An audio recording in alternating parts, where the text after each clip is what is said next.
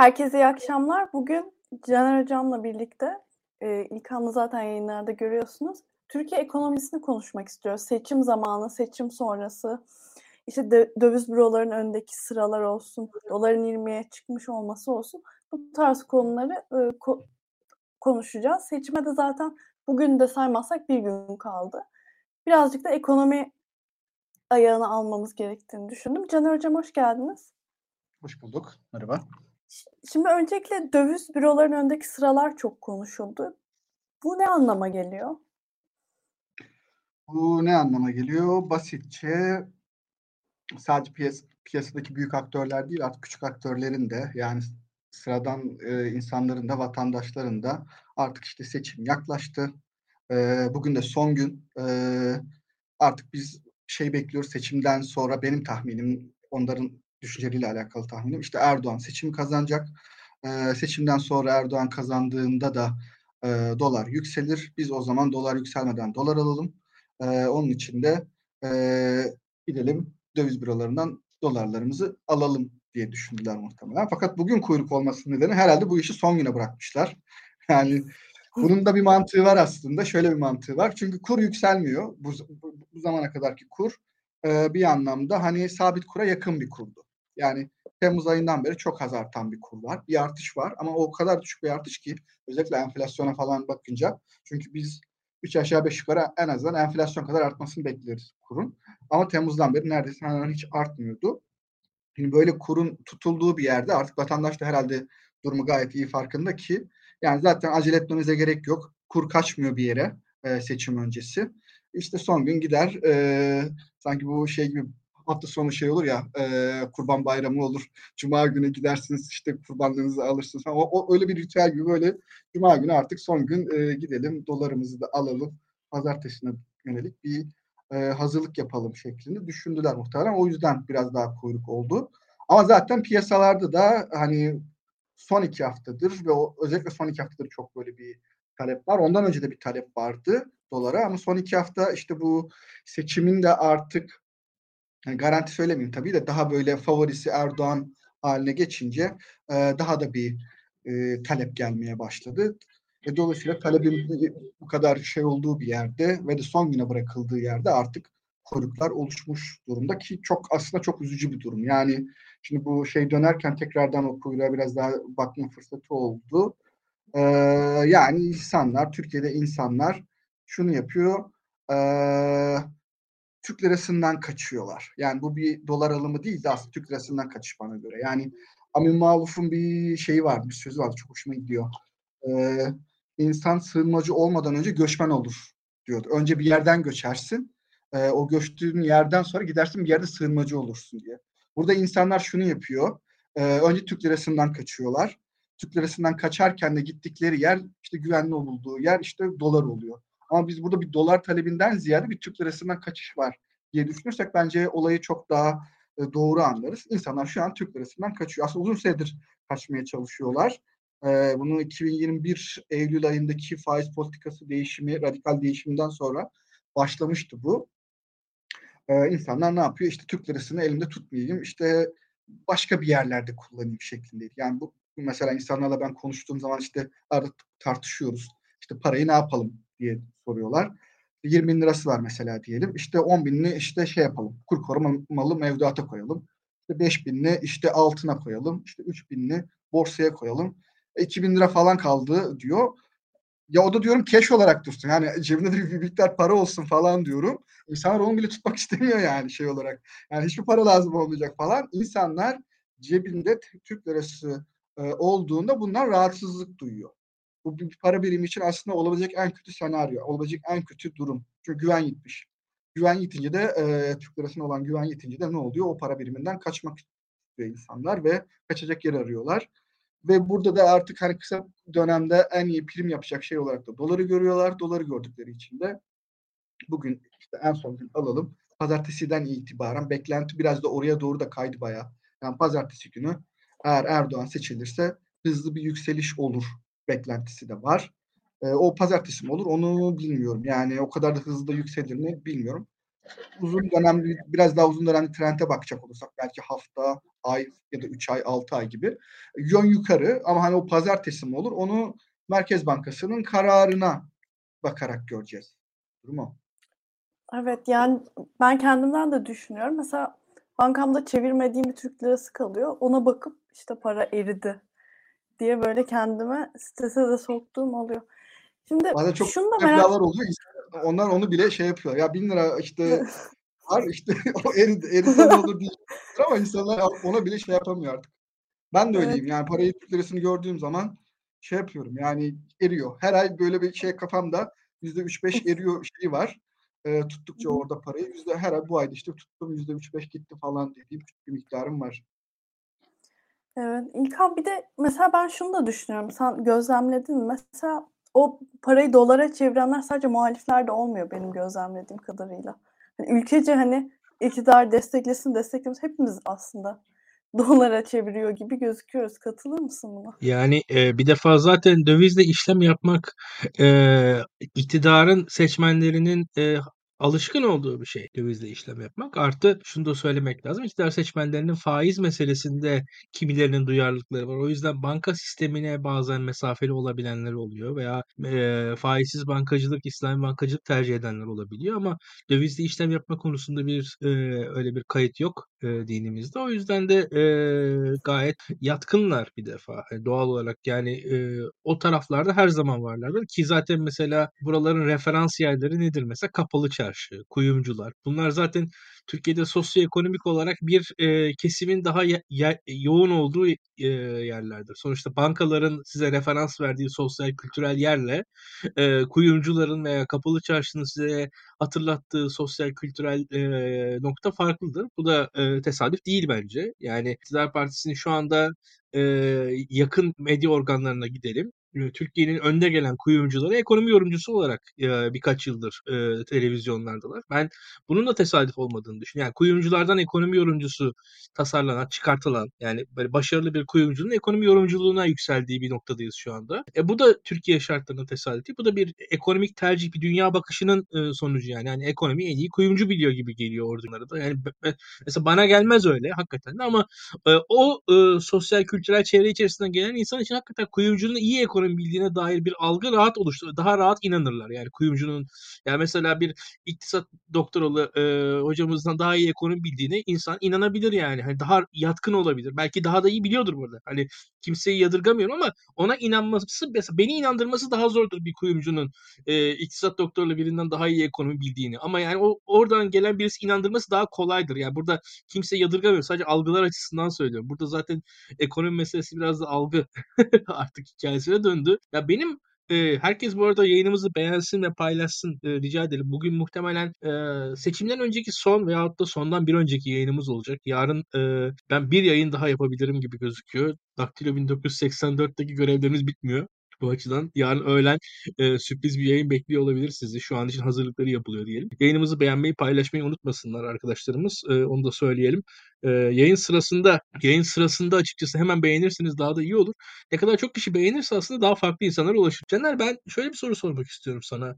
E, hazır konuşmayı ele almışken. Yani e, hükümetin e, ben enflasyonla pek mücadele etmediğini ama kurla mücadele ettiğini hep söylüyorum. Ama bir yandan da şunu düşünüyorum. Yani kurla bu kadar sert mücadele edilmeseydi mesela ya kur şu an 25 TL'ye çıkmış olsaydı büyük bir skandal, büyük bir rezillik, büyük bir ahlaksızlık, büyük bir e, felaket mi yaşanırdı Türkiye'de? Yoksa e, bir de işin tabii kur koruma mevduat kısmı var. Yani KKM aslında e, ya KKM'den korktukları için mi bu 20 lira civarındaki 20 liranın biraz altındaki bu ısrar bu kadar büyüdü? Yani e, tam anlayamadığım bir şey var. Yoksa hakikaten tadında bir artış e, enflasyon oranında, enflasyon oranına yakın bir kur artışını biz yaşasaydık aslında, ya bu kadar gerilmeden, bu kadar e, hani diyelim hani makul kur, ideal kur olması gereken kur tabii iktisatçıların çok sevdiği kavramlar değil, tartışmalı kavramlar ama ya bu noktada da olmayabilirdik belki de. Yani bu kadar e, ya ben hükümetin yerinde olsam kendimi bu noktaya sıkıştırmazdım diye düşünüyorum. Sen ne Benzer düşünüyorum. Yani bu bu işi bu kadar saplantı haline getirecek bir durum var mıydı?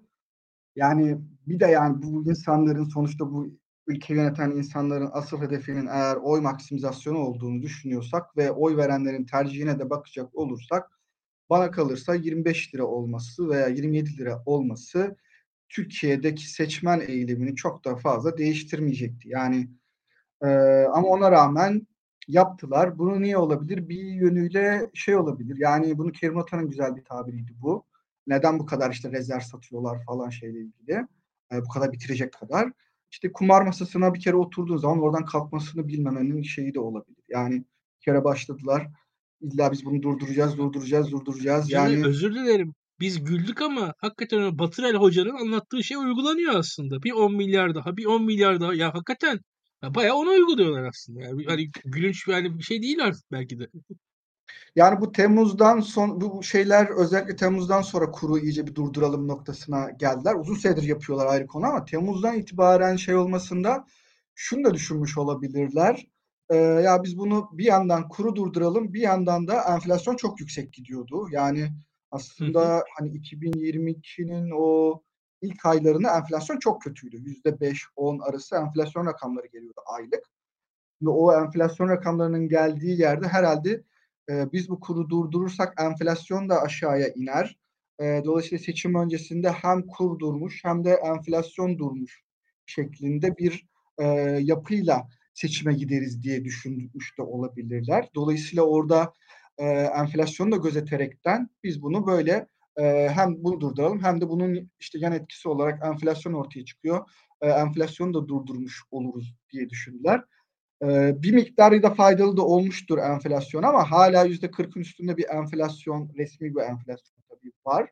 Aslında kurun bu kadar durmasına rağmen bu kadar yüksek enflasyon olması da aslında şunu da gösteriyor. Bir katılaşma var enflasyonda, bir atalet var. Artık hani kuru durdursam bile devam eden bir enflasyon var. Tabii. Bunu bence daha aşağılarda bir yerlerde bekliyordu olabilirlerdi. Yani hani tabii resmisi 40 bunun gerçeği de hadi 60-70 arasında bir yerlerde diyelim ama velev ki 40'a da inanıyoruz diyelim. 40'sa da işte 20'ye indiririz falan. Belki de 15'e indiririz falan. Bu şekilde e, seçime sokarız diye düşündüler ama e, çok istedikleri gibi olmadı. istedikleri gibi olmadı ama bir miktarda tabii e, enflasyonun o çok hızlı artışını da engellediler. Yani %80'lere gitmiştik biz. O %80 küsür enflasyon, %85'lere varmıştı. Oradan aşağıya doğru bir geliş var. Onu da görüyoruz. Ee, %40'a gelmiş midir? Yani bu kadar inmiş midir? İnmemiştir tabii ama hani resmi açıdan da böyle. Ger- gerçek olanda da yani %150 ise mesela %75'e %80'e inmiştir belki.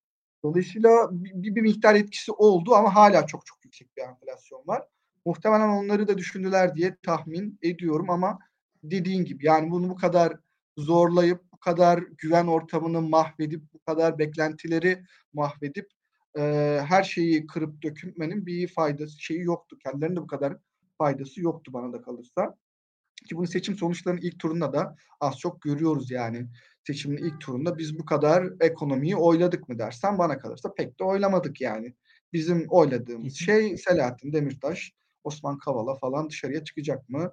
İşte PKK ile işbirliği yapıldı mı? İlk turda bunu konuştuk. Sokağa çıktığınızda da insanlar bunu konuşuyor yani pazara da gittiğinizde pazardaki adamla Ekrem İmamoğlu bunu tartışıyorlar. Yani adam sattığı ürünün kaç liraya geldiğini şey yapmıyor, tartışmıyor. Başka bir şeyi tartışıyor. Dolayısıyla e, hani stratejini şey tarafına koyuyorsun, milli güvenlik tarafına koyuyorsun işte insanları yönlendirmeyi. E, oradan bakınca da demek ki aslında e, şey yani aslında bu kadar bu işi saplantı haline getirecek bu kadar rezervi yok yere e, ki bunun hakikaten büyük bir kısmını yok yere yaktılar e, yakmanın da bir anlamı yoktu. Yani Caner ben e, hocam sen anlattıkça mesela bir yandan da şey tarafını da konuşalım. Bu Muharrem Bey'in yorumu var. KKM kısmı. Şimdi KKM'deki e, faizleri, KKM'leri giderek daha cazip hale getirmeye çalışıyorlar. Bankalara yazılı ya da sözlü belli talimatlar verildiğinde duyuyoruz, biliyoruz. Bir kısmı resmi halde, bir kısmı gayri resmi halde, bir kısmı bazen açıktan uygulanıyor, bir kısmı kapalı. Ama bir yani bankaya gittiğiniz zaman Ya şöyle söyleyeyim. Bugün mesela Aybike cebine şöyle bir 50 bin dolar alıp bir bankaya gitse e, banka müdürü tarafından kapıda karşılanır. Önüne bir kırmızı halı serilir. E, üst kattaki işte müdür odasında işte kahveniz nasıl isterseniz denilir falan. Hani öyle bir e, cidden saygı, sevgi, ilgi, iltimas e, ve alaka görür diye tahmin ediyorum. E, hani ve bunun e, o noktasında bazı uygulamalar duydum. Yani neredeyse şey ya parayı yatırın, e, doları yatırın, faizi peşin verelim. Artık neredeyse bankaya karşı tepeciymiş gibi e, muamele görüyorsunuz artık. Dolar sahipleri tepecilik pozisyonuna yükseldiler yani benim gördüğüm kadarıyla. E, bunun adı o yani. Bu çünkü faizin peşin verilmesi dediğin denilen şeyi ben e, tepecilerin daha ziyade uy- uygulaması olarak biliyorum. Bilmiyorum e, açıkçası var mıdır böyle bir uygulama çok yaygın bir şekilde. Bana onu hatırlatır. Ne dersin? Bunun şeyini söyleyebilirim. Bu yani çok uzun süreceğini zannetmiyorum bu miktarların. Yüzde 55 o bahsi geçen miktarların. Bu seçim öncesi bir kere çok üzerlerine baskı var. O baskı onları çok zorluyor. E, cezalar var. Çok fazla ceza kesiliyor. İşte dolar işte dolar bulacaksınız. Yani olayın çok kabaca özetini söylüyorum. Bankalara gidin dolar bulacaksınız. Dolar bulmazsanız size tahvil aldırırız. Tahvil alırsanız işte yüzde sekiz dokuz gibi çok anormal bir e, tahvil fiyatları var. yüzde sekiz dokuz faizli. Yani bankalar yüzde otuz otuz beşle mevduat topluyorlar. E, öbür tarafta yüzde sekiz dokuzla şey tahvil e, alıyorlar falan. Böyle çok garip bir durum var. E, bu tahvil almaktan e, kaçarken böyle bir şeylere giriyorlar ama ben bunu seçimden sonra bu hiç olmayacak rakamlar. Yani yüzde 55 dolar faizi. Dünya Türk lirasının zaten hani çok anormal dolar faizi olarak. E, yani biz 8-10'lara geldiğinde zaten bir yani hatırlıyorum 8-10 dolar faiz verildiği dönemlerde bu, bu mümkün değil yani bu sürdürülemez falan derken bu işte bu son dönemlerindeki artık son şeylerde çok sıkışıklar. Çok sıkıştılar. Yani onu biliyoruz e, o sıkışıklık döneminde artık son günlerdeki o absürt şeyler o, onların çok yakın zamanda normale döneceğini tahmin ediyorum ben. Yani normalde çok anormal bir şey olacak o ayrı konu ama hani yüzde 55'te falan da kalmayacak yani bu işler. Ama bu ne kadar sıkıştıklarını da gösteriyor. Yani ortam çok kötü. Son iki hafta e, şeyden sonra özellikle seçim sonrası bayağı demek ki dolar şeylerine sıkışılmış. Durum bu. Evet. İlkan bir de şunu da merak ediyorum. İşte döviz bürolarındaki sıraları konuştuk. İşte bu son zamanlarda doların 20 lira üstüne çıkmasını konuştuk. Sence mesela ilk turda Erdoğan'a veren seçmen ikinci turda eli yani vermeyebilir mi bu ekonomik durumları görüp? Bir etkisi olur mu sence? Ya e, şimdi bu konuyu ben e, düşünüyorum gerçekten de. Şimdi Erdoğan Eee, ilk turda şöyle bir şeyle karşılaştık. Eee, Tayyip Erdoğan'ın partisi Adalet ve Kalkınma Partisi 2002'den sonra aldığı en düşük oyu aldı. %35'e indi. Yani gerçekten de ciddi düştü aslında. Yani hani böyle bir hep deniyor ya hiç etkisi olmadı, hiçbir şey olmadı ama eee, Tayyip Erdoğan ve yüksek katılıma rağmen düştü hatta. İşte bunca hile söylentisine şuna buna rağmen Adalet ve Kalkınma Partisi %35. Yani aslında nispeten daha Türkiye'nin yarısı olmaktan çıkıp normal bir parti, normal büyük bir parti seviyesine geldi şu an Adalet ve Kalkınma Partisi öyle diyeyim. Ee, ama halkımız e, Necip Türk milleti e, Adalet ve Kalkınma Partisi'ni cezalandırırken bu cezayı Yeniden Refah Partisi, Milliyetçi Hareket Partisi destekleyerek verdi. E, ve bunun neticesinde de toplam yine %50 civarı hatta Büyük Birlik Partisi %1 oy aldı. E, Büyük Birlik Partisi, Yeniden Refah Partisi, Milliyetçi Hareket Partisi topladığınız zaman %15 civarında neredeyse oy var. 14 civarında 15'e yakın bir oy var neredeyse. Ve şimdi e, bu %14-15 kesim de bayağı büyük bir kesim. Eee, şunu düşünüyorum gerçekten de bu iki oy hakkımız vardı bizim. Şimdi başkanlık seçimi olarak bakıyoruz ama hem parlamento seçimi yaptık hem başkanlık seçimi yaptık. Şimdi bir de üçüncü oyumuzu veriyoruz hepimiz şu an. Çok enteresan bir şey. Yani aslında insan e, doğal olarak e, hani gözleri önde birazcık daha tek noktaya odaklanmayı seven öyle bir canlı. Yani biraz e, yani derinlik algısı algımız var bizim aslında böyle bir bir noktaya odaklanmayı. Böyle 27 noktaya binen o daha ziyade kadınların yapabildiği bir şey. Biz e, bir noktaya odaklanabilen e, canlılarız diyelim erkekler olarak. Ama yani böyle bir şeyiz. E, bir noktaya odaklanabiliyoruz. Şimdi üç, üçüncü seçimimize gidiyoruz aslında. Üçüncü defa sandığa yani şu an e, pusulamızı üçüncü defa oy pusulası o mühürü üçüncü defa vuracağız aslında şu anda. Acaba hmm, hani bir bu şöyle şeyler vardır. E, Eee, seç bakalım yarışması vardı eskiden. Eee, Caner bunu özellikle yurt dışından da bilir. İşte 3 tane kapı var. 3 tane kapının arkasında, 2 kapının arkasında işte eşekler, samanlar var. Bir kapının arkasında araba var. İlk bir arabayı seçiyorsunuz. Arkasından eee, siz, siz bir kapıyı seçiyorsunuz. Arkasından sunucu o 3 kapıdan kalan 2 kapıdan bir tanesini açıyor ve ondan sonra onun arkasından yine samanlar, eşekler çıkıyor. Seçiminizi değiştirir misiniz? Gerçekten. Yani veyahut ilk seçiminizde devam eder. Şimdi aslında insanlar ilk kapılarını seçtiler. Ve onun arkasından da aradaki bu 15 günde eee, bence bir samanlar falan çıktı. Ama ne kadar çıktı tam emin değilim. Çok çıkmadı bir yandan da. Yani ama bu eee, gerçekten bu korku biraz acaba mı dedirtti bana yani orada o seçiminizi değiştirir misiniz? Şu anda bu 15 günde gördüğünüz şeyin neticesinde yani orada o sunucunun o ikinci kapıyı açması gibi size siz seçiminizi değiştirir misiniz? Kolay değil. Şimdi iki türlü. Bir tarafta çıkarlarınız, bir, bir diğer tarafta sorumluluklarınız ve e, kendi geçmişiniz. Şimdi çıkarlarınız e, dolar kuru, yatırımlarınız vesaire gelecek. Ama bir yandan da şu var. Hepimiz de verdiğimiz oyla aslında Diyoruz ki mesela işte Aybüke çok haklı, Caner çok doğru söylüyor veyahut da çok yanlış söylüyor demiş oluyoruz. 20 yıl boyunca hepimiz verdiğimiz ve vermediğimiz oylarla tercihler yaptık ve Türkiye'nin bu halde olmasına belli katkıda bulunduk. Şimdi bu katkılarımızı bir kenara koyup ya ben haksızmışım demek de kolay değil. Birçok insan açısından da o e, her attığı oy aslında kendisini e, Adalet ve Kalkınma Partisi'ne yakınlaştırıyor. Bakmayın siz şu anda Kemal Kılıçdaroğlu'nun aldığı Mesela %45 oy aldı Kemal Kılıçdaroğlu. Cumhuriyet Halk Partisi liderinin %45 oy alması da Türkiye'de bir anda olabilecek bir şey değildi. Yani bunun da arkasında aslında bu 20 yıllık süreç var. İşte İBB seçimlerinde, Ankara seçimlerinde CHP'ye oy vermeye alışmış bir kitle var az çok yani. Veyahut da işte referandumlarda yavaş yavaş CHP'ye oy vermeye, CHP'lilerle beraber oy vermeye alışmış kitle var. Atıyorum CHP'lilerin oy vermelerine kendilerine verdiği desteğe alışmış HDP, şu an Yeşil Sol Parti kitlesi var falan. Bu da 20 yılda oluşmuş bir şey. Yoksa CHP %18-19 oy olan bir partiydi 2002'lerin, 2004'lerin e, Türkiye'sinde aslında. O, o partiden şu anda %44'lere 45'lere gelindi. Şimdi e, burada 3 günde ne değişir? Ya aslında bir, bayağı bir şey değişebiliyor. Ama bir yandan da şunu da söylemek lazım. Hmm, yani anketler niye bilemedi sorusunda biz genelde katılımla cevap veriyoruz. Ama bir kısım insan da gerçekten de korkuyla oy verdi. Ee, ilk turun e, son birkaç gününde diye düşünüyorum. Yani değişim olursa ne olur? Bizim başımıza ne gelir? Bilinmezlik. Tayyip Erdoğan neticede bilinen bir figür. Şu anki e, sıkıntıları kabullenmiş bir şekilde bazı insanlar oy verdiler. Belki e, değişim olmamasının daha büyük tehlike olduğunu inanan bir grup insan olursa o insanlar oy tercihlerini değiştirebilir diye düşünüyorum. Ama e, bakalım ben de ya Caner sana sormak istiyorum aslında aynı soruyu. Ben, Yani ben şöyle kaç düşünüyorum. Hı, dinliyorum abi. Borsada kaç kişi şeyde yani Eurobond'da insanlar ne kadar yatırım yapıyor? Mesela piyasalar diyoruz ya biz mesela. Bu piyasalar dediğimiz insanlar kaç kişi? Yani hepimiz piyasalardan dolaylı doğrudan etkileniyoruz. Ama mesela arkadaşlar sormuşlar ben borsada eee, işte parası batmış insanlardan bir tanesiyim teknik olarak. Yani yılbaşında %20 Ben de katkıda bulundum buna tabii. Şey evet evet. Ya şimdi mesela biz eee, teknik olarak yani mesela diyelim ben bir maaş para kaybettim. Hani öyle söyleyeyim mesela yani. Hani bir iki maaş kaybettim öyle söyleyeyim. İnsanlar öyle anlayabilsinler mertebe olarak. Ama mesela daha büyük paraları kazanan kaybeden insanlar var.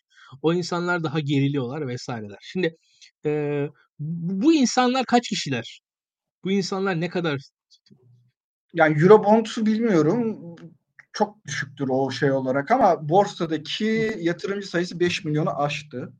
Ee, bu hani 2020'de falan yanlış hatırlamıyorsam 1 milyonun falan üzerindeydi. Ee, yani 5 katına falan çıkmış bir borsa yatırımcısı var ama bunların tabii büyük bir kısmı da halka arzlara gelen bir kesim. Ee, halka arzlardan işte hisse alırım.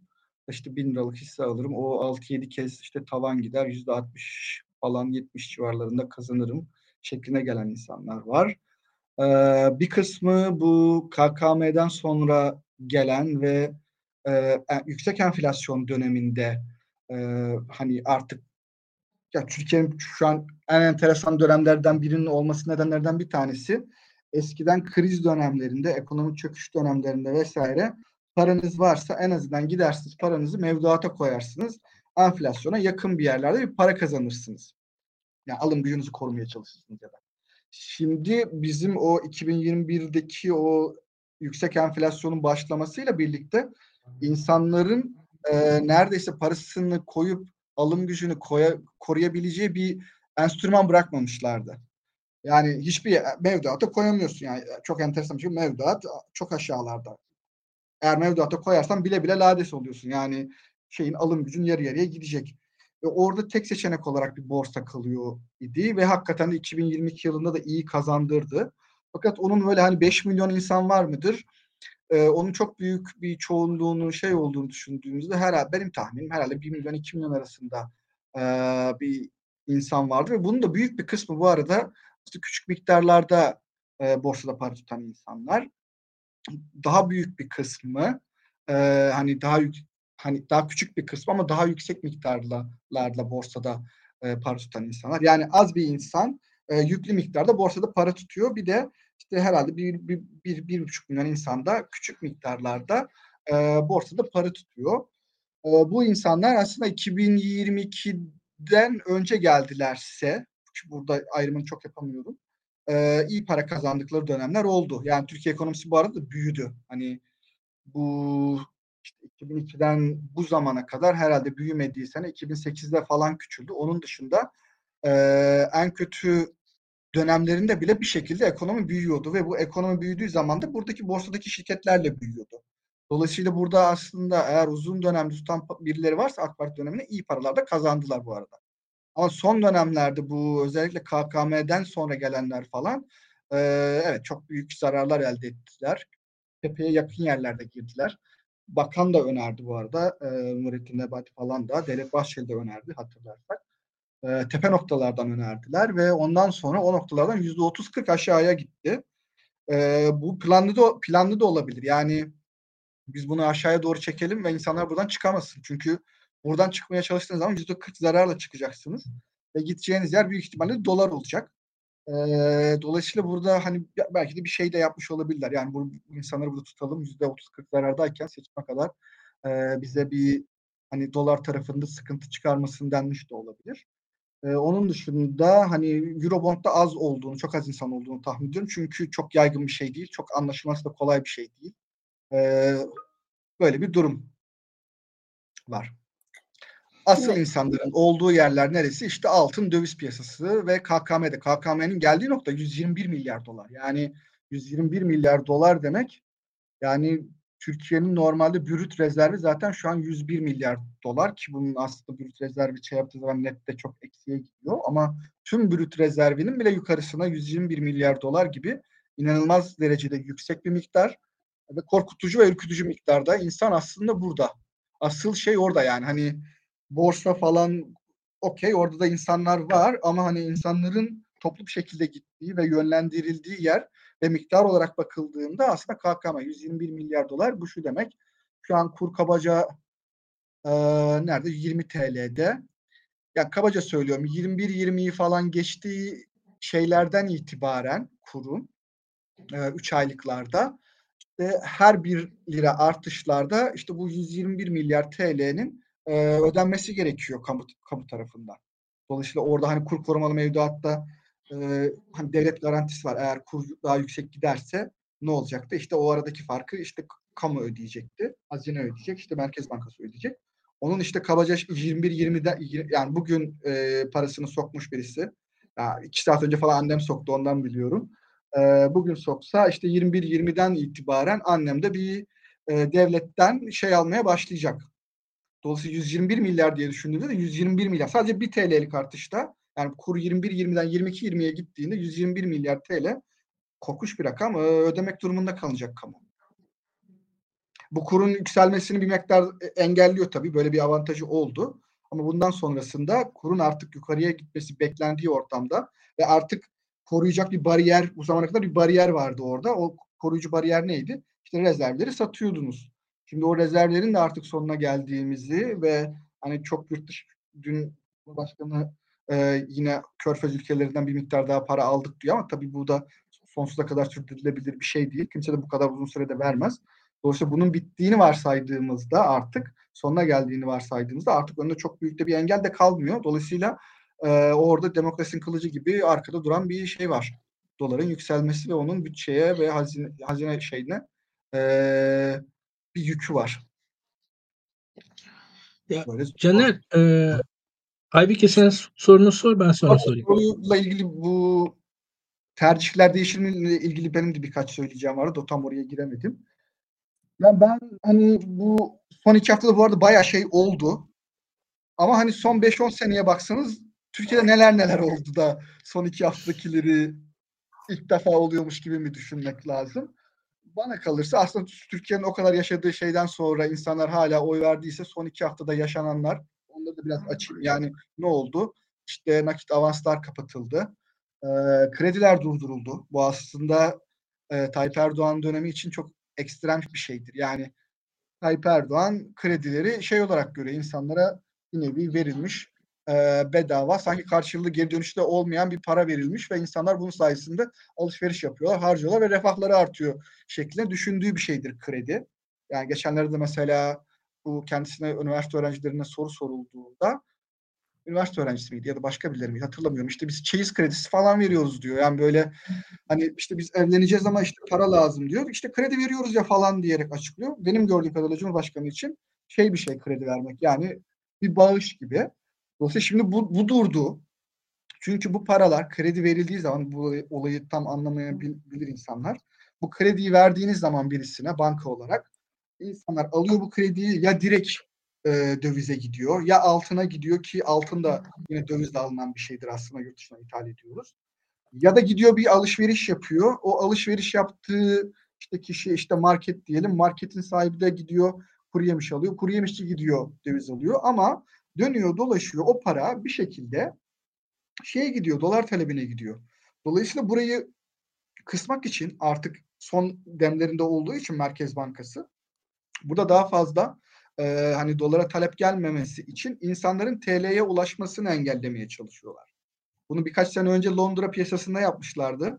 Yurt dışındaki yatırımcıların e, Türk lirasından para kazanma yöntemi şudur. Önce bir Türk lirasına ulaşırlar. Sonra o Türk lirasını satıp dolar alırlardı. Dolayısıyla Türk lirasını sataraktan e, para kazanıyorlardı. Onların önce e, işte birkaç bir iki sene önce onların Türk lirasına ulaşması engellendi. Şimdi iş öyle bir noktaya geldi ki Türkler bile Türk lirasına ulaşmasın e, noktasına geldiler. Bunun için de kredileri durdurmak zorunda kaldılar. İnsanlar demek ki nakit avansından da muhtemelen oraya gidiyor. E, nakit avansı durdurdular. E, bir yandan bakıyorsunuz CDS primlerimiz var. Bizim Türkiye'nin işte ülke riskliliğini az çok gösteren ve e, hani şu an göstergeler içerisinde, ekonomik göstergeler içerisinde en doğruya yakın şekilde çalışan şeydir CDS. Ülke riskliliğini gösterir ve sigorta primidir işte borçlanmak istediğinizde. E, o 400'lerden 700'lere çıktı. Şimdi böyle bir ortama bakınca aslında geleceğe dair bir 15 gün içerisinde şey oldu e, gelecekte yaşanacaklara dair bir küçük bir şey ne denir? Spoiler da diyebiliriz veya işte bir gelecekte yaşananlara dair bir ön özet gibi bir şey oldu. Ama bunlar değiştirir mi? Ben bu kadar yıl o kadar çok şey yaşadık ki kurun işte 3 liradan işte 15 Temmuz 2016'da 3 lira olduğunu hatırlıyorum ben. İşte 2016'dan kaça geldik? 7 sene. 7 senede 6 kat artmış neredeyse. E bu kadar kur artmış. Kur biraz daha giderse insanlar ya artık kur 24'e geldi. 3 liradan 21'e geldi sustuk. 24'te artık ben pes ediyorum diyeceğini de zannetmiyorum. E, dolayısıyla hani korku korkuyor olabilirler. Korkuyorlardır da. Davranışlarını da buna göre şekillendiriyorlardır. E, şey ekonomik davranışlarını ama siyasi tercihlerini çok etkileyeceğini ben zannetmiyorum. Ya artık Biraz alışılmış bir durum gibi de olmuş evet, olabilir. Biraz da alışıldı. Yani biraz değil bayağı bir alıştık. Yani o kadar çok yaşa şey yaşadık ki şimdi geriye dönüp e, bir şeyini çıkarsak o kadar çok şey yaşadık. Yani inanılmaz şeyler yaşadık. İnsanlar alıştı. Fakat burada şimdi Cevdet Hoca'nın o geçen bir videosu vardı. Yayından önce de İhsan abiyle İhsan abi uzun İhsan abi aklıma geldi herhalde. Ee, onunla ilgili bugün bir espri dönmüştü o geldi. ya buradan İhsan abiye de sevgilerimizi saygılarımızı iletelim. Hakikaten. Buradan evet İhsan abi sevgimizi saygımızı ellerinden öpüyorum. Ee, ne diyecektim? Onu unuttum. Ha şeyi Cevdet Hoca'nın şeyi vardı orada. İnsanlar demişti. Cevdet Akçay. Vardı. Ha, Cevdet Akçay'ın. Ee, insanlar e, davranışlarını e, işsiz kalsa bile değiştirmez diyordu mesela. O bir, bir gün önce yayınlanan bir video Bu insanlar yani AK Parti'ye oy veren insanlar e, hani ekonomi kötüye gidiyor okey ama hani işsiz kalsalar da şeylerini değiştirmeyecekler diyordu. E, fikirlerini değiştirmeyecekler. Yine AK Parti'ye oy verecekler diyordu. Çünkü diyordu e, şey daha önce Erdoğan'da şey Erdoğan yine eğer işsiz kaldığında gelecekle ilgili eğer iş bulmak istediklerinde ümit e, böyle umut duyacakları isim yine Erdoğan olacaklardı. Çünkü buradan bizi çıkarırsa yine Erdoğan çıkarır düşüncesini deler diyordu ki katılıyorum ben buna. E, çünkü Erdoğan'ın yani biz işte bu 21 yıllık dönemin özellikle 2002 ile 2012, 2013 yılı hadi 2013'e kadar alayım. O 11 yıllık dönem çok tartışılır iktisatçılar arasında iyi midir kötü müdür ama bu AK Parti'ye oy veren insanlar açısından e, kendileri şöyle düşünüyorlar. Türkiye tarihinde gördükleri en iyi dönem. Ve bunu başaran insan da Erdoğan. İnsanların fikri bu. Dolayısıyla biz Erdoğan döneminde e, çok güzel günler geçirdik. Erdoğan bizi bunu sağladı. Dolayısıyla bundan sonraki dönemlerde de eğer krize girsek bile bizi buradan çıkaracak insan Erdoğan'dır diye düşünmeleri de çok normal. O nedenle ekonomik olarak kötüye gidişimiz e, onların e, oy tercihlerini değiştirmeyecekleri çünkü umutu orada bekliyorlar. O umut o tarafta hala onlar için. E, ve onun söylediği başka bir şey vardı. Deprem kısmı yani bir deprem geliyor. E, bunu anlatabilirseniz işte insanların tercihini değiştirebilirsiniz. Ama o kısmına çok katılamıyorum. Yani okey hani şunu söyleyebilirsiniz. Ya işte ekonomi kötüye gidecek. İşte dolar işte 27 lira olacak, 29 lira olacak. İşsizlik artacak. Daha fazla ne diyebilirsin? Yani ikna etmede ne söyleyebilirsin? İşsizlik artacak, refahımız düşecek. Ee, bunlarla insan ikna olmuyor. Ee, zaten hani buradaki insanlar Cevdet Hocam deyiminde reis diyen insanlar. E bu insanlar hani e ne olur işsiz kalır, kalırız. E okey işte oradaki umut Erdoğan yine. E, enflasyon yükselir. E işte enflasyon daha önce yaşadık hala oy tercihlerini değiştirmemiş durumda.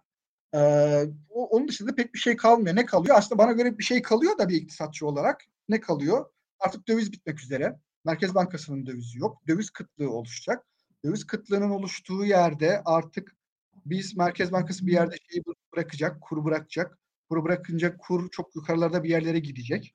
E, ve bu politika devam ettiği sürece bir yerde bizim ithalatı kısmamız gerekecek. E, ithalatı kısmak istediğimizde de ithal tüketimimizi azaltmamız gerekecek. E, hayatımıza yeni girecek şeylerden bir tanesi eğer böyle devam edilecekse bu gerekiyor. E, artık ithal olan bazı ürünlere ulaşamaz hale gelecek. Geleceğiz. Eğer bu hala da devam ettirilirse ve hiçbir ders alınmazsa onun sonunda e, ne oldu? İşte Sri Lanka işte örneği vardı önümüzde ya da Lübnan örneği vardı. Oralarda ne oldu? İnsanlar çok temel ihtiyaçlara ulaşamaz oldu. Bunun için de hani Bilgi Yılmaz'ın güzel verdiği bir örnek. İşte orada ilk akla gelen ilaç. İlaç alamaz hale geliyorsunuz. Ee, işte onun dışında temel gıda ihtiyaçları falan. Çünkü her ülke tüm gıdasını kendi üretmiyor. Ve onlara ulaşamaz hale geliyorsunuz. İşte enerjiye ulaşamazsınız büyük ihtimal ya da işte devredeceksiniz galiba BOTAŞ'ta var. Dolayısıyla bu tarz sıkıntılar. Bunun, bunun yanında tabii görmediğimiz tarafta e, işte siyasi tavizler ve siyasi tavizlerle bazı ülkelerin bize uygulayacağı işte yaptırımlar vesaire bunlar olacak. Ama tabii bunlarla ikna etmek de çok zor insanı. Bir kere henüz yaşanmadı. Yaşanmamış bir şeyi e, anlatmak kolay değil. İkincisi bir kısmı da görünmeyen tarafta.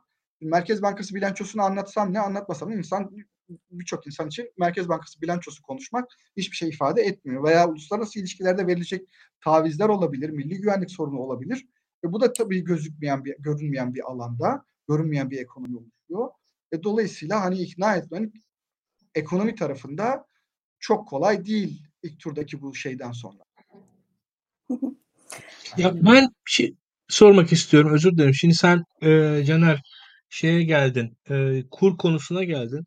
Ben şun kur konusundan önce yani e, gerçekten o çoklu kuru konuşmamız lazım bu yayında. Yani çünkü Türkiye öyle bir riski var e, gözüküyor. E, ondan önce ama ben şu KKM meselesinde ya ben mesela bir e, yani iktisat hocası olsam biraz üst seviye öğrencilerime bu KKM nasıl bitirilir ve bu zaman hani neler olur falan bir senaryo yazın e, diye bir ödev falan veririm yani açıkçası. Çünkü ben hakikaten bulsunlar KKM gibi bir sistemler nasıl bitirilmiş daha öncesinde o örnekleri koysunlar ödeve.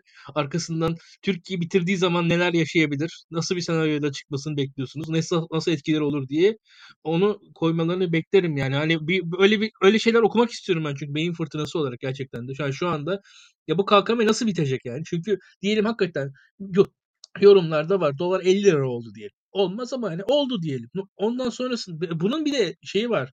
KKM'nin kendisinin getirdiği de bu sefer hani enflasyondan bahsettin sen. KKM'nin kendisi zaten hani bir defa bizim Merkez Bankası dediğimiz yapının ortadan kalkması gibi bir şey demek neredeyse yani. Hani orada çünkü yani artık herkes hani TL'nin e, değerini korumaktır ya Merkez Bankası kanunundaki görev falan. Artık yani o görevin e, tam anlamıyla güle güle dememiz demek anlamına geldiğini düşünüyorum ben orada. Tabii. Yani muhtemelen bu arada tekrardan biz eğer kurdaki sert bir artış gerçekleşirse tabii o Erdoğan'ın nasıl bir e, seçilirse Ahmet Hakan gibi şey koyalım oraya. E, seçilirse nasıl bir şuradan başlayayım.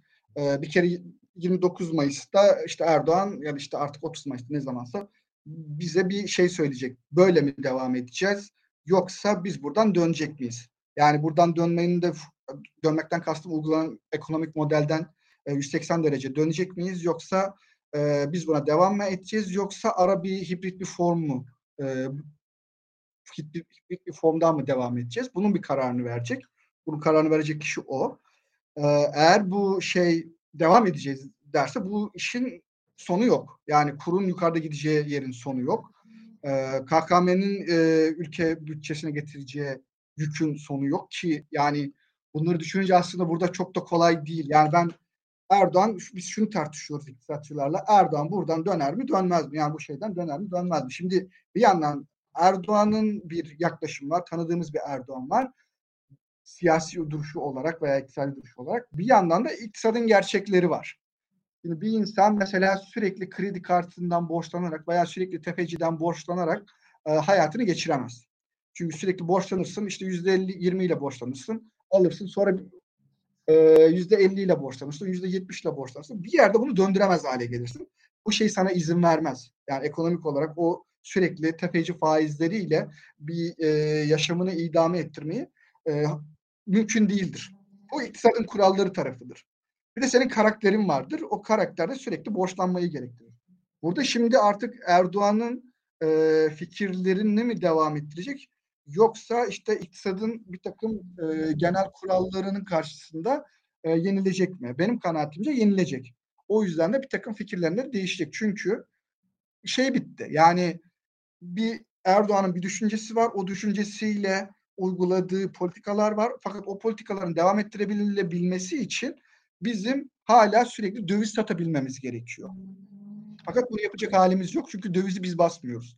Dövizi yabancı ülkeler basıyor. O zaman bir, de, bir takım değişikliklere gitmeniz gerekiyor.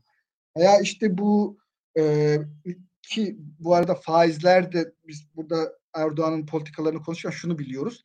Erdoğan düşük faizi savunan birisi. Fakat Erdoğan bu düşük faiz politikasından bir anlamda da vazgeçti. Şu an piyasada mevduat faizleri %30-35 aralığında kredi faizleri yüzde 50'lere, 40'lara, 50'lere, 60'lara çıkmış durumda. İhtiyaç kredilerin yüzde 60'lara çıktığını falan söyleniyor. Ee, kullanmadım ben hiç ama. Şimdi dolayısıyla Erdoğan'ın döndüğü noktalar var. E, yenildiği noktalar var. Daha da yenilmek zorunda olduğu rezervlerin bittiği noktalar var. Dolayısıyla ben burada bir Erdoğan'dan bir dönüş bekliyorum.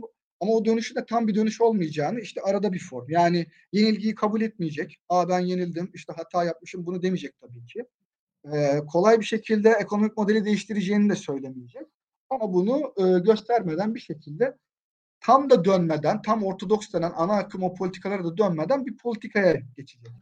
Politikaya geçişte de muhtemelen yine e, kurlar yukarıya doğru gidecek. Kurlar yukarıya doğru gittiğinde enflasyon beklentileri bozulacak. E, benim kanaatim o işte 2021 yılının son aylarında ve 2022'nin ilk aylarındaki gibi çok hızlı bir enflasyonun olacağı bir dönemlere gireriz. Orada yüzde sekiz on şeyler gelmişti ki şu anda ben bu arada konuştuğum zaman bir esnafla falan veya işte sosyal medyada gördüğüm e, işletmeciler falan onların birçoğu da şeyi bekliyor bu arada. Seçim sonuçlandın, sonuçlansın. Eğer Erdoğan seçilecekse biz e, yüksek yüksek zamlarımızı yapmaya devam edeceğiz şeklinde. E, işte mesela teyzem şey alacak, malzemeleri alacaktı. Nereye gitse aynı şeyi söylüyorlarmış. Seçimden sonra abla şey olacak, e, yüklü zam gelecek ama alacaksan bir an önce al yoksa böyle böyle bir durum var diye. Bunu başka yerlerden de görüyorum. E, çünkü beklentiler bozuk. Yani Erdoğan'ın kalması demek Türkiye'de yüksek enflasyonun devam etmesi demek diye düşünüyor insanlar. Bu beklenti oluştuğu zaman da bu beklentiye göre de aksiyon alıyorlar. Ve aksiyon aldığında da bu beklenti zaten kendi kendine gerçekleşmiş de oluyor. Ve bunu da engelleyen bir mekanizma da yok. Bunu engelleyelim diye düşünen bir kimse de yok. E, öncelikleri farklı. O nedenle de yüksek enflasyonlu bir dönemin devam edeceği ve Merkez Bankası'nın da e, hani temel fonksiyonu fiyat istikrarı iken buna göz yumacağını ve hiçbir şey yapmayacağını falan tahmin ediyorum. Sorudan da uzaklaşmış da olabilirim. Soru neydi onu da hatırlamıyorum bu arada da. Arada kendi başka düşüncelerimi de anlatıyorum bu arada. Evet, Hocam bir de size biraz dedikodu sormak istiyorum. Yani Mehmet Şimşek'in e, Dubai'ye yerleştiği hakkında bir dedikodular çıkmıştı. Kendisi bunu yalanladı. Ya, son zamanlarda çok fazla Mehmet Şimşek konuşuluyor. Siz bunları nasıl görüyorsunuz hocam? Ya ben aslında Mehmet Şimşek konuşmanın hiçbir manası yok. Çünkü gelse de fark etmiyor, ge- gelmese de fark etmeyecek şey. Yani Mehmet Şimşek e, gelmediği durumda zaten durumumuz bu. E, geldiği durumda da bir kere güven kaybedilmiş durumda. Biz ekonomiyi konuşuyoruz, işte sürekli swap konuşuyoruz, Merkez Bankası rezervleri konuşuyoruz, işte enflasyon konuşuyoruz falan filan. Tüm bunların altında yatan bir problem var. Daha temel bir problem var. O da ekonomiye güven. Eğer ekonomiye güven kaybolmuşsa siz o güveni tamir etmeden o ekonomiyi düzlüğe çıkarmanız mümkün değil. Dolayısıyla Mehmet Şimşek geldiğinde bu ekonomiye güven gelir mi? Bunu sormamız lazım. Bana kalırsa gelmez. Çünkü daha önce Mehmet Şimşek varken bu ekonomiye güven kayboldu. Çünkü Mehmet Şimşek'in asıl ekonomiyi yönlendiren ve kararları kendi veren bir aktör olmadığını biliyoruz. Yani e, vermek istiyordur ayrı konu ama bu kendisine tamamen izin verilmiyor ve nasıl e, görevden ayrıldığı da çok belli. Yani neredeyse hani bayağı bir böyle karakteriyle oynanaraktan falan gönderilmiş bir insan. Dolayısıyla bu insanın tekrar gelecek işte ipleri eline alacak buyur sana da ekonomiyi vereceğiz ve karışmayacağız denecek böyle bir beklenti kimse de yok.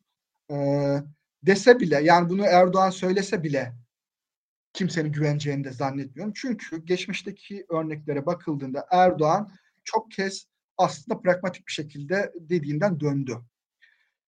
Ve bu dediğinden döndüklerinden sonra tekrar o döndüğü noktadan da geri döndü. Yani mesela Merkez Bankası Başkanı'nı değiştirdi. Naci Ağbal Naci Ağbal'ı getirdi. Naci Ağbal normal merkez bankacılığı yapacak bir insandı.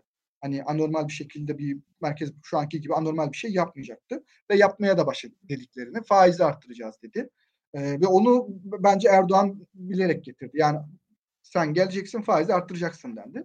4 ay 5 ay sonrasında da Naci Ağbal bu uyguladığı politikalar nedeniyle görevden alındı ve ondan beri de zaten e, işler kötüye gidiyor. Dolayısıyla sürekli bir öyle bir böyle bir öyle bir böyle yapıla yapıla aslında güven tamamen kaybedilmiş durumda. Şimdi tekrardan biz sallıyorum şu an kaç oldu artık sayamıyorum ama 8. kez işte böyle ortodoks politika uygulayacak, normal bir politika uygulayacak birine getireceğiz dediğiniz zaman 7 kere e, değişmiş bir insana artık güven olmuyor. O nedenle Mehmet Şimşek'in gelmesinin ben hiçbir önemi olduğunu düşünmüyorum. Bu, bu dedikodular şunun için kullanılıyor. Piyasalar çok tedirgindi e, piyasaların çok tedirginliğinde acaba işte Mehmet Şimşek geliyor gibi yaparsak insanların beklentileri biraz değişir. O yüzden de kura olan atak bir miktar azalır mı? Birazcık daha güven ortamı oluşturur muyuz şeklinde bir ortamdı tahminimce. Ama geleceğini düşünmüyorum. Kendi de zaten hiçbir şekilde geleceğim de demiyor. Böyle bir durum. Evet yayınımız bir saate yaklaştı. İzleyicilerimize tekrar rica edeyim yayınımızı beğenmesi, paylaşmalarını. İlkan son olarak eklemek istediğin bir şey var mı? Ben Caner'den şunu duymak istiyorum. Şimdi Türkiye'de yavaş yavaş e, yani mesela az önce anlattım. Arkadaşlar geçen yayında bana e, o konuda önerilerde bulunmuşlardı. Bir e, belli bir dolar alacağım vardı. O onu TL üzerinden almak zorunda kaldığım için e, çünkü resmi bir işti. E, hani elden almanın imkanı olma, olmayan bir şeydi. O yüzden banka aracılığıyla al, hani banka aracılığıyla alınca e, ister istemez e, para kaybetmiş oldum teknik olarak %5 civarında. İşte yani 1000-1500 dolar civarında bir paraydı. Düşünüyorum böyle işte 1000 lira, e, 1500 lira kadar kaybettim. Tek, onu düşündüm kendi kendime. E, benim için de önemsiz bir para sayılmaz yani 1000 lira. Ve oradan sonrasında da şu aslında o 1000 lira mesele değil ama aslında Türkiye için şimdi çoklu kur. Yani bir bankalar arası döviz kuru, e, vatandaşlar arası döviz kuru, belki ihracatçılarla e, devlet arasında bir döviz kuru, e, belki e, işte daha lüks ita- malı ithalatçılarla da devlet arasındaki döviz kuru ve daha ziyade daha e, gerekli malları ithal edenlerle devlet arasındaki bir döviz kuru meselesi. Yani aslında dövizle olan e, tüm işlemlerin e, artık e, kontrol altında olduğu bir sistemin e, sistem hakkında ne düşünüyor Caner? E, bu sisteme doğru yavaş yavaş kayıyor muyuz? Yoksa çünkü şu an e, bu yaşadığımız çoklu kurumsu bir şey yaşıyoruz şu anda. Yani çok basitçe söyleyelim. Bugün bankaların e, yani resmi kurla fiilen gittiğiniz zaman e, döviz bürolarında karşılaştığınız kur arasında yavaş yavaş bir farklılaşma oluyordu. E, o makasın ilk defa olmadığı kadar açıldığını gördük. E, KKM konusunda da aslında insanları rahatsız eden bir şey orada o oldu. KKM'lerden de insanlar çıkıp e, özellikle şeye geçmelerinin sebebi kendileri direkt dolara dövize geçmelerinin sebebi yani biz KKM'ler resmi döviz kuruna göre. Yani ama bir yandan da e, bizim bu paralarımızı bize işte dolar 19 lira kurdan şey yapacaklarsa dolar artmamış duruyor. Ama o 19 lirada dolar bulamıyorsunuz aslında. Bir yerde bir dolar 19 lira yazıyordu ama orada hiçbir yerde dolar 19 lira değildi teknik olarak. Yani benim ulaşabildiğim en azından hiçbir yerde. Belki bir yerlerde sıradan vatandaş ulaşamadığı bir yerlerde bir dolar 19 lira işlem yapıldığı yerler var ama e, sizin ulaşamadığınız bir yerde o kur olacak. Öyle bir sisteme geçebilir miyiz? Öyle bir sistem ne kadar sürdürülebilir? Nasıl etkileri olur? Öyle bir geçiş görüyor musun? Yoksa şu an seçim öncesi bu dalgalanmanın bir sonucu olarak mı bunları yaşıyoruz sence ne dersin? Bu şeyden başlayayım. Bankalardaki o 19 şu an kaçta? 19.90'larda falan desek ona e, şey o teori biraz teorik kalıyor. Yani çok fazla insan oradan onu kullanamıyor.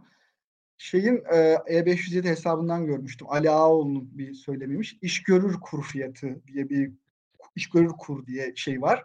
Yani iş görürden kastı şu. Yani bankada gördüğün bir kur var. Oradan hiçbir şekilde alamadığın zaman oradan işini görmüyor o kur. Ee, senin işini görecek kur aslında kapalı çarşıdaki kur. Ee, oradaki bir farklı bir kur var diye şey yapmıştı. İş görür kur diyor ona. Şimdi şu an bir ikili sistem var. Yani yüzde beş altıları da gelmişse buna bir ikili kur sistemi diyebiliriz. Şimdi bunun dünyada örnekleri var. Ee, ben bunun ilk böyle yüzde beş altıları çıktığında ilk gittim baktım potansiyel burada hemen suçlu ilk şey olur. Arjantin olur. Yani biz eğer bir Türkiye'de kötü bir şey görüyorsak bunun için ilk bakacağımız yerlerin başında Arjantin geliyor. Çünkü onlar Türk dünyada işte ekonomiyi en kötü yöneten ve bunu istikrarlı bir şekilde yapan ülkelerin başında geliyor. Ee, oradaki kur yaklaşık yanlış hatırlamıyorsam iki katıydı. Yani Arjantin pezosu resmi kur olarak 220'lerde falandı. 220 pezoysa e, şeyde kapalı onların çarşıyorum. Onların kara borsadaki şeyleri 440'a falan çıkmıştı. Dolayısıyla burada e, hem ikili kur olabilir böyle devam edilirse ki Erdoğan böyle devam edeceğini söylüyor. E, ki ikili kurda da kalmaz o bence. Çünkü ihracatımızı falan düşündüğümüz zaman çok oraya çok fazla şey girecektir. E, hem de o makas açılır çok büyük ihtimalle. Yani %5-6'larda da kalmaz. Daha yüksek noktalara da gider. Ben bunun bu kadar gider mi? E, çok zannetmiyorum. Yani belki ikili kur olur ama hani bu kadar böyle Arjantin'deki kadar bir noktaya gider mi? Ben o kadar o noktalara gitmeden e, önlem alacağını düşünüyorum ki dedikoduların, kulislerin AK Parti içerisinden kulislerin geldiği kulislerde aslında şeyler AK Parti'nin o ekonomi kurmayları da durumdan çok rahatsız olduğu, Erdoğan'a nasıl ikna ederiz de buradan döndürürüz şeklinde e, bir takım programlar yazdırıldı. İşte, işte İstanbul, bugün şeyde görmüştüm, onda referans e, mesela ekonomide Erdal Sağlam. İşte o Ankara kulislerine yakın bir isimdir. O, onun söylediği işte İstanbul'da bir ekip var, Ankara'da bir ekip var. İkisi de buradan nasıl döndürülür diye e, farklı farklı işte düşünceler içerisinde farklı işte ne uygulayabiliriz falan diye. E, ama bunun devam edilirse diye konuşursak ben çok devam ettirileceğini zannetmiyorum. Bir yerde bu tekrar normale dönecek. E, ama devam ettirilirse ikili kur da olur. İkili kurdan çok daha fazla olur. Çünkü ihracatçımız var. Biz bu ihracatçıları memnun etmek durumundayız. Onların ithalat gereksinimleri var. E, çünkü ihracat yaparken ithalat çok fazla sayıda ithalat yap, çok fazla miktarda ithalat yapıyorlar. Dolayısıyla onların bir kur seviyesi olacaktır. Onlara ayrı kur. Vatandaşların ulaşabileceği ayrı bir kur olacaktır. Bir yandan da şu, şu olacaktır benim tahminimce. Bir şey kıtlaşmaya başladığı zaman bir ülkede şu oluyor. E, o dönemin iktidarına yakın olan elit kesim de e, uygun fiyatlardan o kıt olan şeye ulaşmaya çalışır.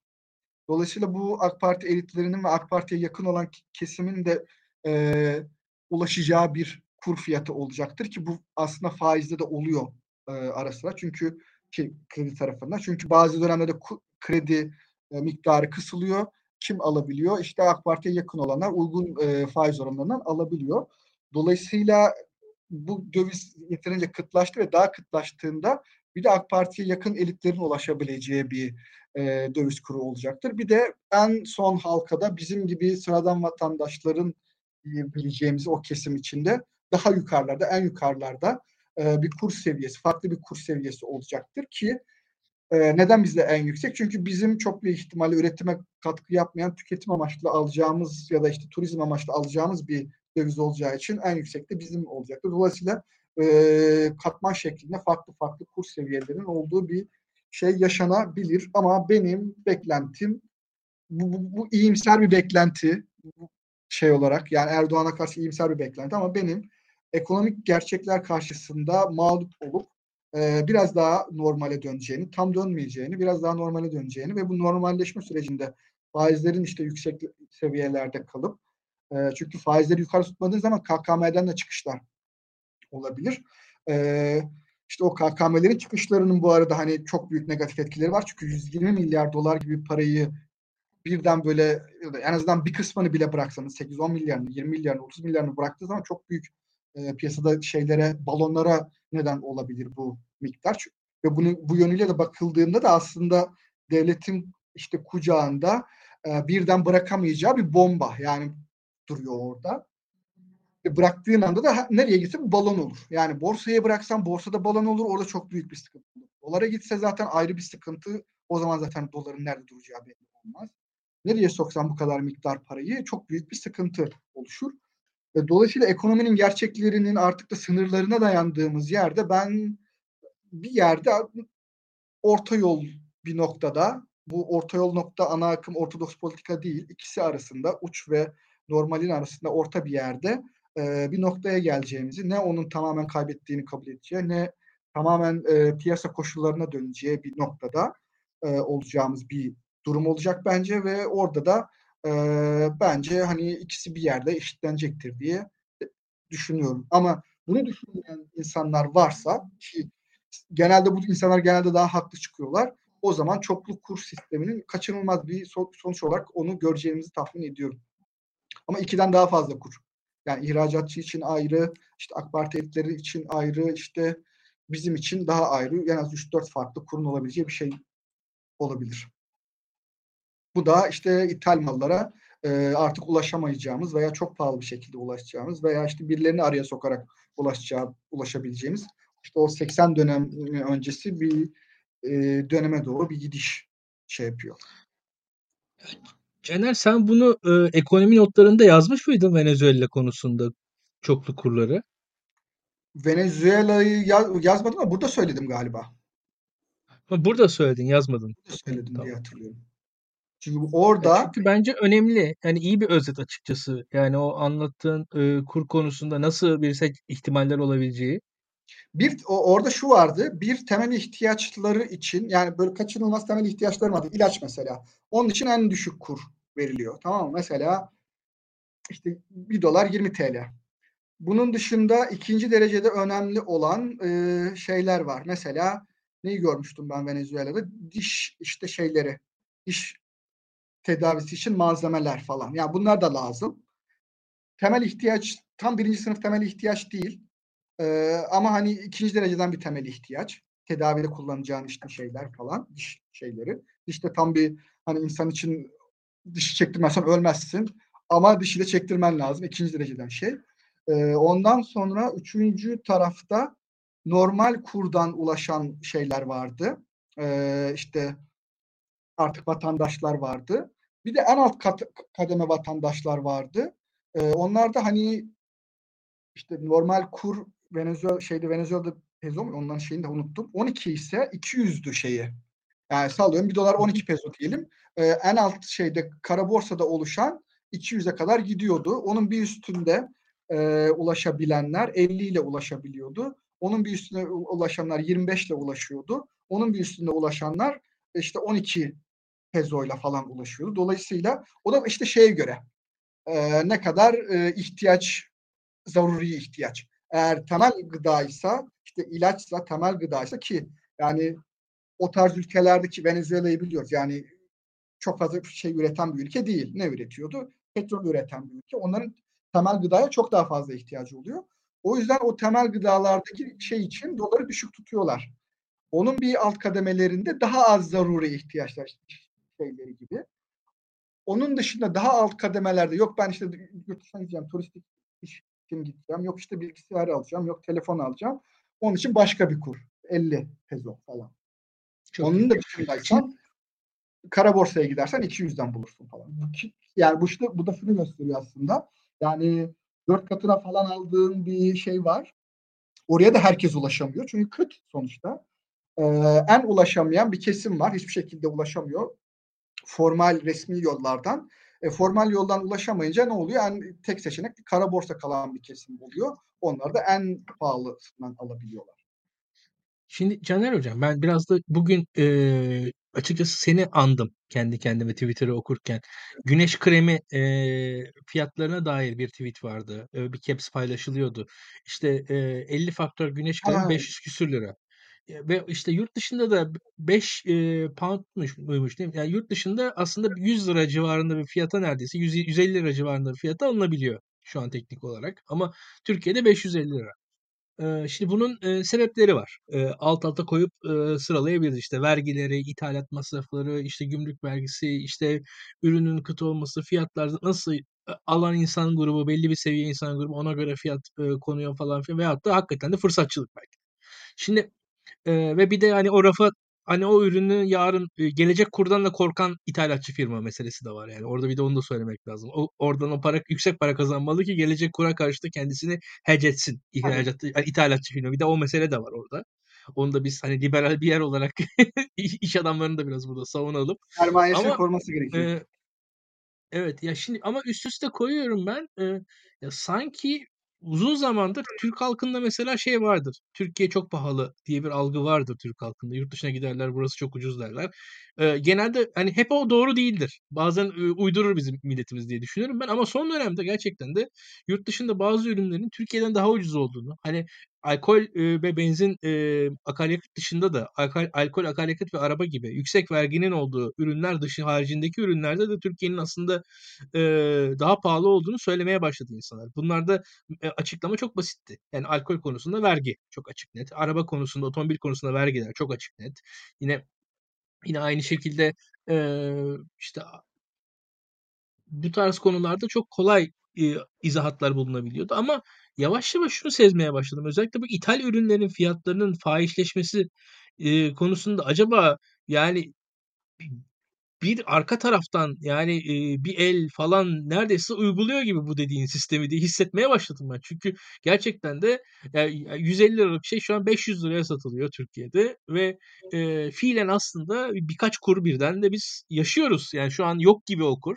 Öyle bir kuru hani do- dolar 25 liradan satan alan kimse yok ama veyahut da 30 liradan. E, ama bazı ürünleri tükettiğim zaman ben aslında 20-30 liralık doları tüketiyorum. Yani bir yandan da onu onu seziyorum. Yani ben bunu alışverişimi yaparken yani o an aslında bir e, o hani o televizyonun CNBC altyazısı geçiyor olsa dolar 30 lira diye geçecek gibi hissediyorum. Yani bazen de alışveriş yaparken kendi hissiyatım o açıkçası. Bir de uluslararası fiyatları da az çok takip ettiğimiz için şu anki internet şartları gereği diye düşünüyorum. Aklıma o geldi açıkçası ve aklıma gerçekten senin yaptığın o analiz geldi bugün e, bu her şeyi izlerken. Bu bu iş yani evet fırsatçılık var. Evet bu anlattığımız diğer faktörler var.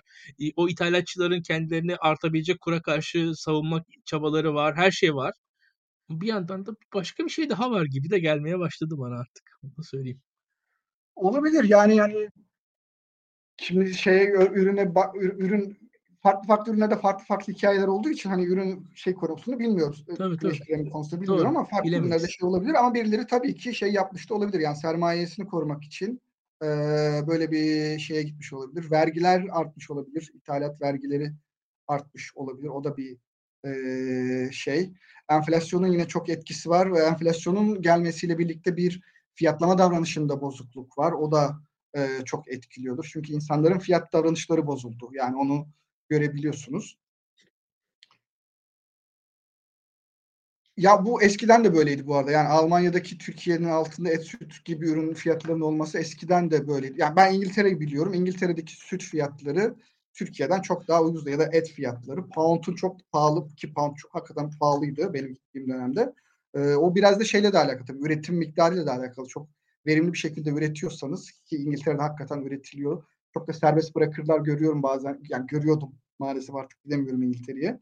Ee, doğaya salıp doğada inekleri falan ve İsviçre ortamı gibi e, şey yapıyorlardı. Orada her zaman ben mesela sütü sürekli içerdim. Buraya gelince süt falan içmiyorum artık mesela. E, onun da etkisi var. Bir de burada bence en çok yine de şey e, o olayı vardır. Ama en çok etkileyen şeylerden bir tanesi insanların fiyatlama davranışı bozuldu. Fiyatlama davranışında e, artık hangi ürünün ne kadar ederi var onu kendi kafasında çok oluşturamıyorlar. Bunun da çok etkisi var ve piyasadaki bu etkiyi kıracak bir enflasyonla mücadele olmadığında insanlar da e, kredilerle işte alınan yüksek zamlarla falan hala talep ettiği sürece de insanlar da eğer satabiliyorsa bu fiyatlardan e, ki satabiliyorlar herhalde ki e, bu fiyatları koyuyorlar. E, o satışlar gerçekleşiyor. Yani bunun bir de aslında şey tarafı da var. Yani bu ürün o fiyatta okey. Bu, bunu bu insanlar bu fiyata getiriyorlar.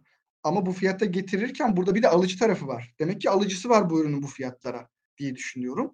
E, bu fiyatlara bu ürünlerin alıcı olmasının nedenlerini de düşünmek gerekiyor. Orada benim aklıma ilk gelen dediğim gibi insanların fiyatlama davranışlarının çok bozulması. E, burada asıl etken kur da etkili olmuş olabilir. Yani kuru fiyatlarını e, kur fiyatlarını gelecekte öngördükleri kur fiyatlarını oraya yansıtıp sermayelerini korumak istemiş olabilirler. Çünkü kur fiyatını yansıtmazsanız beklentinin beklediğiniz kur fiyatını hele de bu dönemlerde çok yakın zamanlarda sermayeniz hızlı bir şekilde erir. Yani o parayı alacaksınız tekrardan dolara çevireceksiniz tekrardan ithalat yapacaksınız. O zaman yeni ithalat yaptığınızda kur 20 küsürlere gittiğinde e, o ürünlerin bir miktarını alamaz olacaksınız. Sermayenizin erimiş olduğunu gösterecek o. Onlar da etkili olmuş olur tabii. Bunlar böyle. Çok teşekkür ederim. Yayını kapatmadan önce izleyicilerimize yayını beğenmeyi ve paylaşmalarını rica ediyorum. Herkese iyi akşamlar. İyi akşamlar.